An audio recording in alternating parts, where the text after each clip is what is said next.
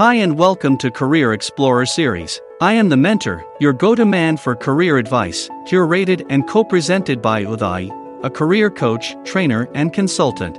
In the earlier episodes, we discussed self-assessment. You need to be aware of your strength and weakness in your personal character, ability, and passions. Also, we talked about judging your current financial position and the options you have towards fulfilling your career choices. This episode is a quickie. We will be a little off from the flow of this series, kind of finish covering the easy one before venturing into complex things.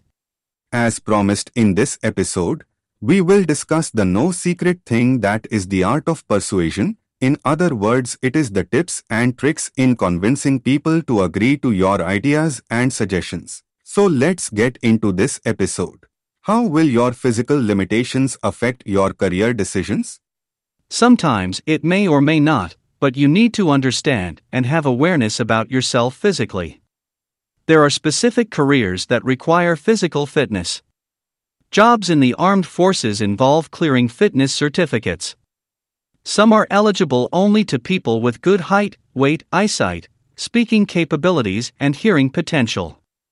In some cases, you may be allergic to specific environments, or you may be accustomed to certain food habits. Few careers require seaworthy fitness, not everyone can handle seasickness. A quick note you need to check these things before considering your career options. Hope you understand why you need to assess yourself physically. Coming to the second part of the discussion how to convince people and get their consent for a career decision. Whenever you try to convince anyone, you need to understand what they will think and why they may not consider or get confident. If you could understand and know this fact before you lay out your options to them, you can handle it point by point, since you now know how to take your career decisions.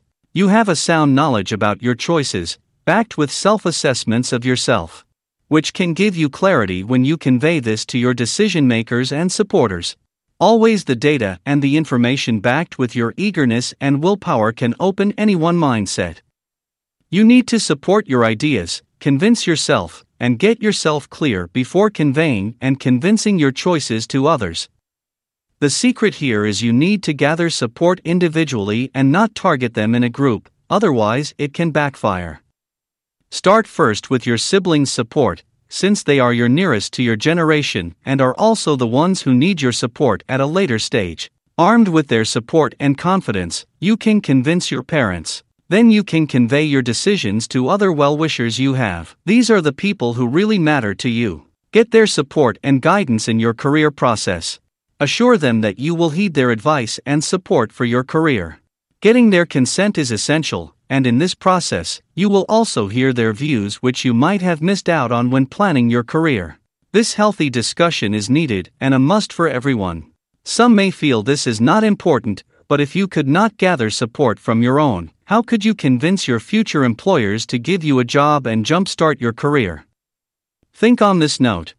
Now you have understood the importance of physical self assessment and the no secret tip of persuasion. In the next episode, we will discuss the nitty-gritty of your self-assessment that will be little bit complicated but once you get that, it gives you confidence to conquer whole world. To know more, listen to our next episode of the Career Explorer series.